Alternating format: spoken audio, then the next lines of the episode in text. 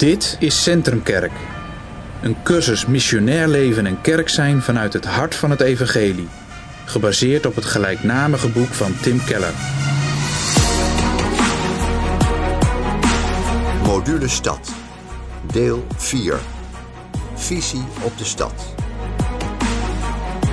Evangeliebediening volgens Centrumkerk kent nog te weinig, nog te veel contextualisatie met betrekking tot de stad en de cultuur.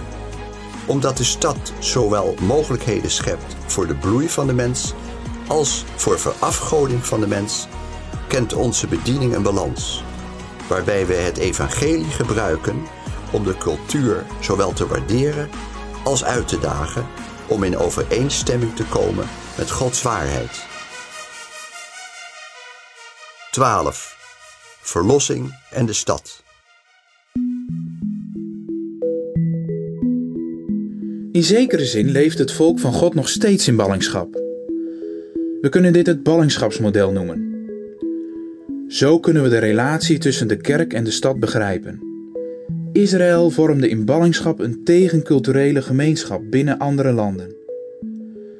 Christelijke gemeenschappen zijn Gods stad in elke stad op aarde. Ze nemen deel aan het stadsleven, werken er, bidden ervoor, maar nemen tegelijkertijd de cultuur niet over en verliezen hun eigen identiteit als Gods heilige volk niet. Tim Keller zegt: God riep zijn volk op om de spanning in de stad te aanvaarden en te omarmen, omwille van zijn eer. En dit is precies waartoe christenen ook nu worden opgeroepen. Er zijn twee belangrijke verschillen tussen de christelijke kerk en de Joodse ballingen. Het eerste verschil is: Joden nemen alleen toe door middel van veel geboortes, maar Gods nieuwe volk moet groter worden, vooral via evangelisatie en onderwijs.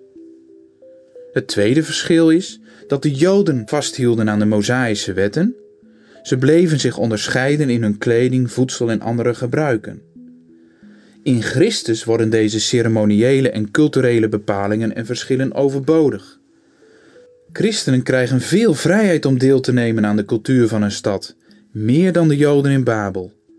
Maar deze vrijheid vergroot de risico's van assimilatie en het sluiten van compromissen. Als toekomstige hemelburgers moeten christenen de afgoderij en het onrecht in hun cultuur herkennen en vermijden, en tegelijk blijven genieten van de zegeningen die voortvloeien uit de algemene genade. In de tijd van de vroege kerk richt God zich met de boodschap van verlossing op alle steden van de wereld.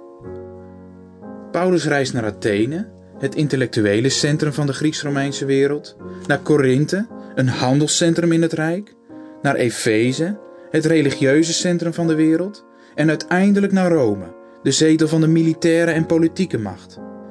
Paulus trok doelbewust van de ene strategische stad naar de andere. Via de stad bereik je alle lagen van de maatschappij. Zo hebben de christenen de geschiedenis en de cultuur veranderd. Door de elite voor zich te winnen en door zich met de armen te identificeren.